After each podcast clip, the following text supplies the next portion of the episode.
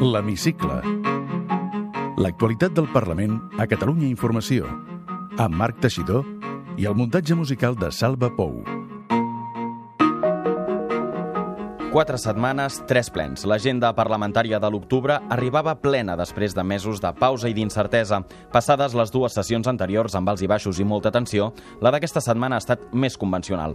Sessió de control al govern i al president, interpel·lacions, mocions, debat i enfrontament dialèctic entre els dos blocs.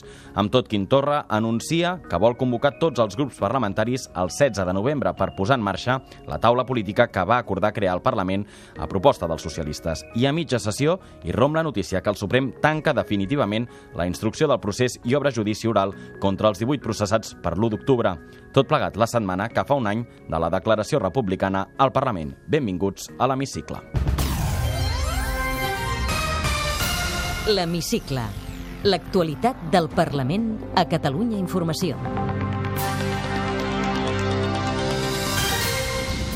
Anunci de Torra a la sessió de control. Que el 16 de novembre ens semblava que dintre de termini era una bona data doncs, poder-nos reunir. Per nosaltres és tan important com per vostès aquest diàleg. Arrimadas proposa un altre neologisme al diccionari del procés. Que ustedes ya no es que sean procesistas, es que son chiringuitistas, que vamos a tener que incluir esa nueva palabra en el diccionario para describirles a ustedes. La reprovació de Felip VI encara coeja. Ens està aplicant la llei Mordassa a la pròpia seu de la sobirania catalana. Pretén que aquest sigui un Parlament que no pugui parlar. El Suprem tanca la instrucció, Torra avisa. No acceptarem una sentència que no sigui la de la lliure absolució i que si fos el contrari ens enfrontarem a aquestes sentències amb la determinació del 1 d'octubre i amb la força del 3 d'octubre. I ens contestaran una frase al qüestionari de l'hemicicle. Miquel Iceta, president del grup socialista al Parlament, primer secretari del PSC,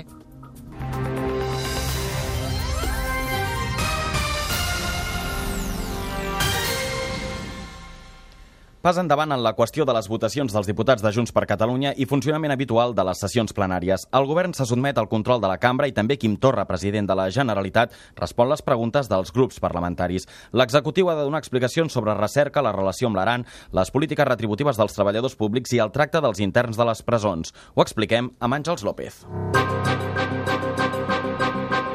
Sessió de control. Com és habitual, el ple comença amb la sessió de control a l'executiu. El president Quim Torra respon als grups i anuncia que convocarà els líders parlamentaris el 16 de novembre per posar en marxa la taula política que va acordar crear el Parlament a proposta dels socialistes. El PP ja ha dit que no comptin amb ells i Ciutadans entra al registre del Parlament la petició d'un ple monogràfic. L'anunci de Torra arriba per sorpresa quan Miquel Iceta li recorda una vegada més que el juliol el ple va aprovar obrir una taula de diàleg amb tots els grups parlamentaris.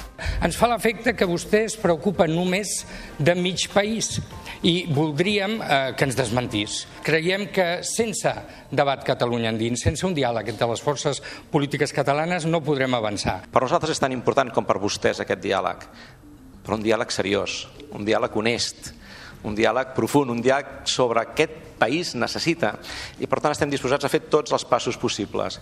Una fotografia inèdita que arribaria enmig del pressing pels pressupostos espanyols al Palau de la Generalitat i podríem veure socialistes i comuns asseguts al voltant d'una mateixa taula amb almenys una part de l'independentisme. Caldrà veure si hi és la CUP. Si bé Torra anuncia que citarà tots els líders parlamentaris per explorar els límits del diàleg a Catalunya, Ciutadans i el PP ja han anunciat que no hi aniran.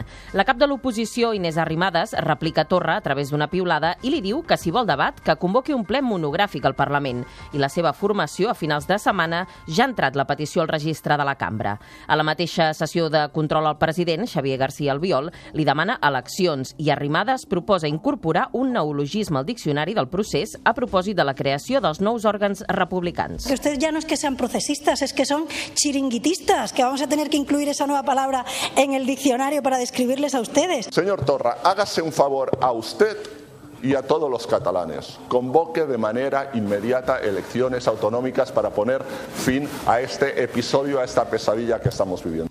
Els pressupostos també són protagonistes de la sessió. Jessica Albiach, de Catalunya en Comú Podem, pregunta per la negociació dels comptes i Torra reconeix que, de moment, no pot comptar amb la CUP. Totes les sobiranies, totes per nosaltres, són imprescindibles. Esperem tenir llargs debats amb vostès.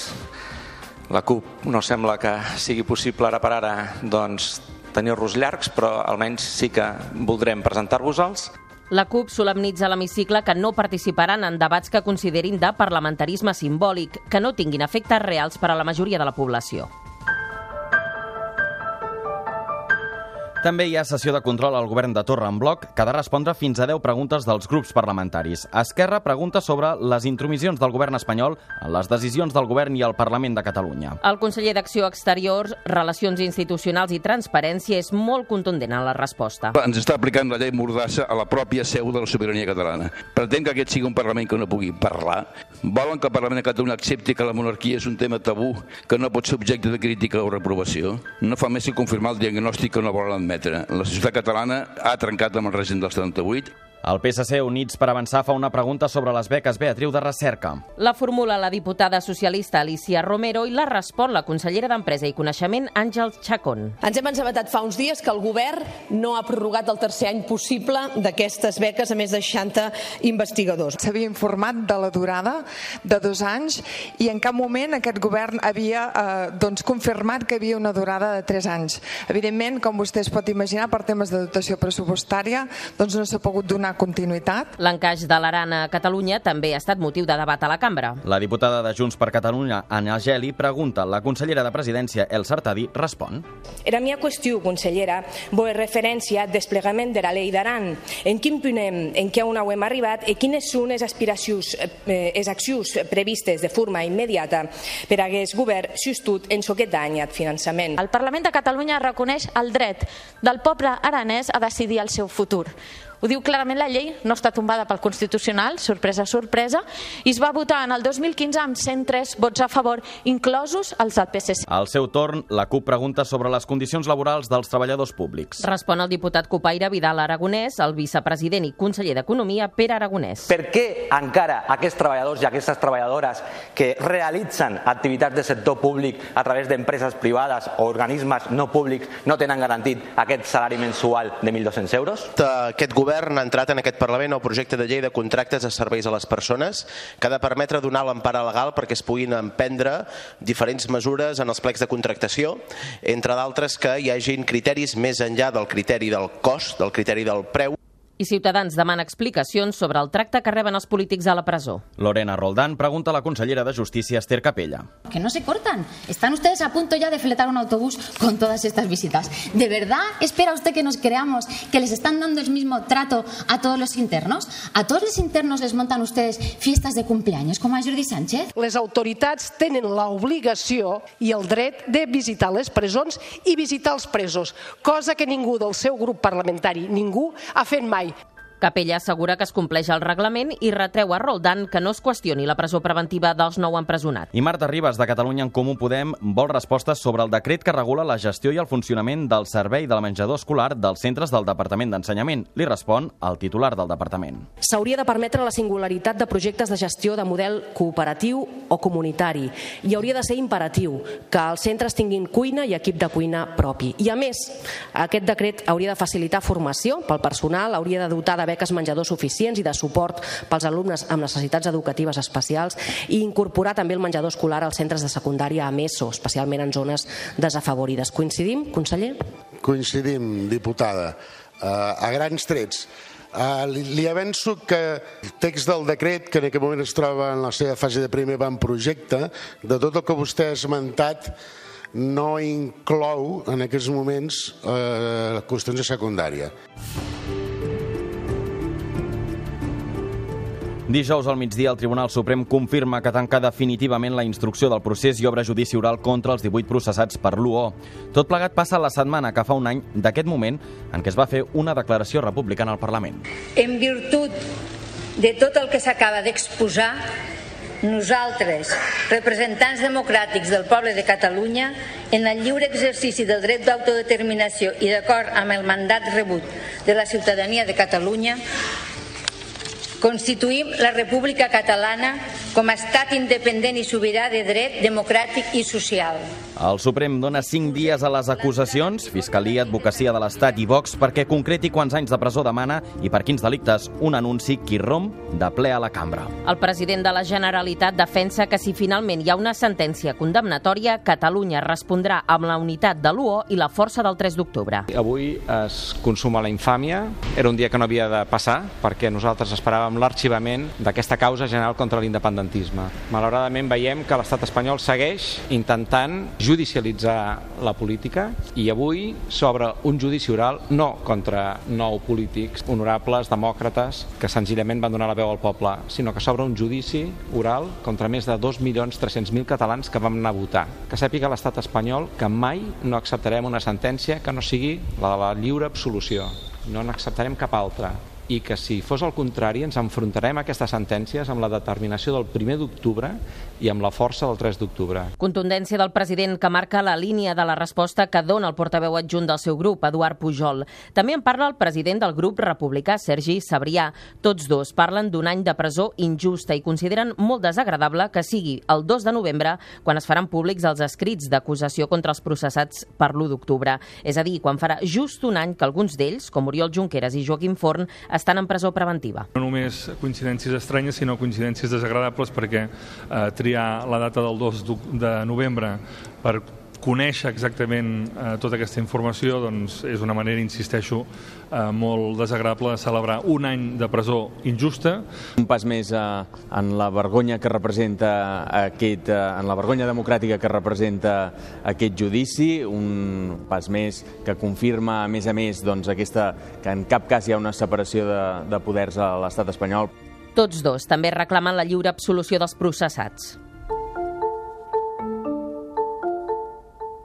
Llum verda del plenari perquè la futura llei d'espais agraris segueixi el tràmit parlamentari. Superat el debat de totalitat, aquesta normativa llargament reivindicada pel sector permetrà protegir les zones destinades a usos agrícoles, ramaders i forestals. Es gestionaran els sols abandonats per reconvertir-los en terrenys productius i així augmentar la dimensió de les explotacions i facilitar el relleu generacional i també la incorporació de joves a l'activitat agrària. Ho destaca la consellera d'Agricultura, Teresa Jordà. Posar en funcionament un mecanisme que permeti mobilitzar al màxim les terres en desús per tenir el màxim de superfície agrícola en condicions de producció per avançar en la sobirania alimentària, garantir la gestió sostenible del medi i afavorir el relleu generacional. Jordà defensa així la importància d'aquesta llei, que espera que es pugui desplegar com a màxim en un termini de mig any. Tenint en compte la seva importància quantitativa des d'un punt de vista territorial, és absolutament necessària una regulació per tal que els espais agraris tinguin el reconeixement dels seus valors i estiguin dotats de la regulació que òbviament els correspon. Entenem la llei d'espais agraris com una llei estratègica de país, una llei fonamental a Catalunya hi ha 3,2 milions d'hectàrees de superfície agrària. D'aquestes, un 21,5% són de conreus de regadiu i de secà, un 7% terres de pastura i un 64% forestal. La consellera detalla que hi ha 45.000 hectàrees de conreu abandonades, xifra que suposa un 1,4% de la superfície catalana.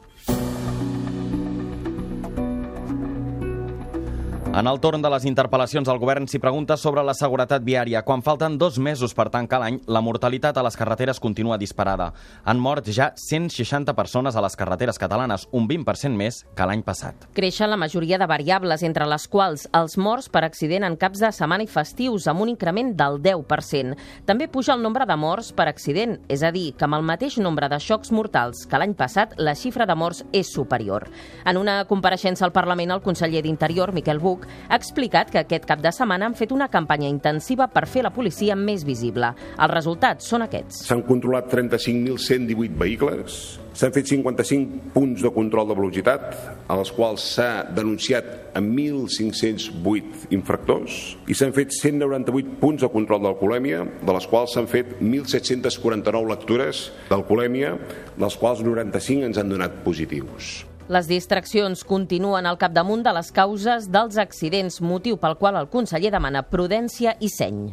En una frase. Carme, i aquesta setmana a l'entrevista de l'Hemicicle parlem amb Miquel Iceta. Què en destacaries? Doncs mira, sabrem si ha visitat els presos, els seus companys polítics presos, si s'hi ha cartejat, si està d'acord amb el delicte de rebel·lió i també coneixerem quins són els seus pecats confessables. Som-hi.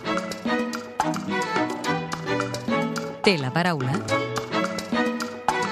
Miquel Iceta, president del grup socialista al Parlament, primer secretari del PSC. Què hauria de ser Catalunya segons vostè? Doncs una nació amb el seu autogovern reconegut en el marc d'un estat espanyol federal. Creu que la judicialització del conflicte polític català s'ha portat massa lluny? Home, jo crec que des del moment en què el govern espanyol del Partit Popular va renunciar a fer política i tot ho deixava en mans de la justícia, doncs es va, es va iniciar un camí eh, equivocat i que dificulta la sortida política al problema. Hi ha presos polítics a Catalunya? No. Ha anat a visitar algun dels presos o s'hi ha cartejat? No, Eh, la veritat és que he vist alguns familiars, he vist alguns advocats, però no he fet cap visita a la presó. Té previst fer-la? No. Si es poguessin fer en total reserva i no hi hagués el risc de que algú interpretés com un suport polític que no hi és, doncs m'ho plantejaria, però com no és així, doncs la veritat és que no, no, no ho faré. I no es podria interpretar com un suport de personal d'un company? Han estat vostès companys amb ells aquí? No, perquè ens dediquem a la política i els polítics difícilment podem separar la nostra vida personal de la nostra vida política i per tant seria un gest polític que jo crec que en aquests moments no, no convé a ningú. Creu que haurien d'estar en llibertat provisional a l'espera de judici en lloc d'estar a la presó? Sens dubte, ho hem dit des del primer dia, en aquest cas la presó preventiva és absolutament desproporcionada i més ara quan ja portem un any. Es diu que Catalunya està dividida gairebé meitat-meitat entre els que volen la independència i els que no la volen. Què s'ha de fer per resoldre aquesta situació? Trobar una solució que no sigui absolutament satisfactòria per ningú, però que sigui raonable per un 70 o un 80%. Catalunya té dret a l'autodeterminació? No. Què significa per vostè l'UO i el 9-N? El 9-N va ser una, una consulta feta fora del marc legal que ens va permetre saber que hi ha uns dos milions de persones que volen la independència. L'UO va ser conseqüència del 6 i 7 de setembre, en el qual es va trencar amb la legalitat, es va convocar un referèndum il·legal que el govern d'Espanya d'aquell moment, a més, va cometre l'error de de voler reprimir per la força. Vostè va veure violència eh, per la part de les persones que van organitzar el referèndum i que anaven a votar? Però la veritat és que no. Jo el que vaig veure, per exemple, és l'alcaldessa de l'Hospitalet baixant i dient a la policia que s'havia de retirar perquè allò no, no era susceptible de, de ser, per dir-ho així, impedit per la força. Rebel·lió, per tant, no n'hi hauria? Jo no veig rebel·lió, no veig sedició, no sóc jurista, però m'he llegit el Codi Penal i crec que el que allà eh, s'escriu no té a veure amb el que realment va passar passar. S'està demanant a Pedro Sánchez que doni instruccions a la Fiscalia General per retirar aquestes acusacions. Vostè n'és partidari? Jo crec que un govern no pot donar instruccions a la Fiscalia sobre un cas concret. Quina autocrítica creu que hauria de fer l'anomenat eh, unionisme o partits constitucionalistes? Bueno, segurament no vam ser prou capaços de convèncer els independentistes que s'estaven eh, posant en un risc tan gran. Què és el primer que faria el seu partit si guanya l'alcaldia de la capital catalana? Doncs canviar el rumb de la ciutat, entendre que els problemes de seguretat són molt seriosos, entendre que un dels capitals polítics de Barcelona és la cooperació entre el sector públic i el sector privat, que ens interessa tenir un turisme de qualitat. Voldria que Barcelona tornés a ser capital de Catalunya i d'Espanya amb una empenta i una embranzida que en els darrers anys s'ha esveït. Com s'ha de fer, senyor Iceta, perquè tothom tingui dret a una vivenda digna? Home, doncs s'ha de promoure habitatge social, s'ha de deslliurar sol perquè es pugui construir aquest habitatge social, s'ha de prolongar la vigència dels contractes de lloguer, eh, en fi, s'han de fer molts esforços eh, que segurament no ens portarien d'immediat a l'objectiu de que tothom tingui l'habitatge que desitja, però sí que ens permetria evitar la pobresa habitacional, que és com tècnicament eh, s'explica aquesta situació de que moltes famílies no tenen llar. I com se soluciona la pobresa energètica?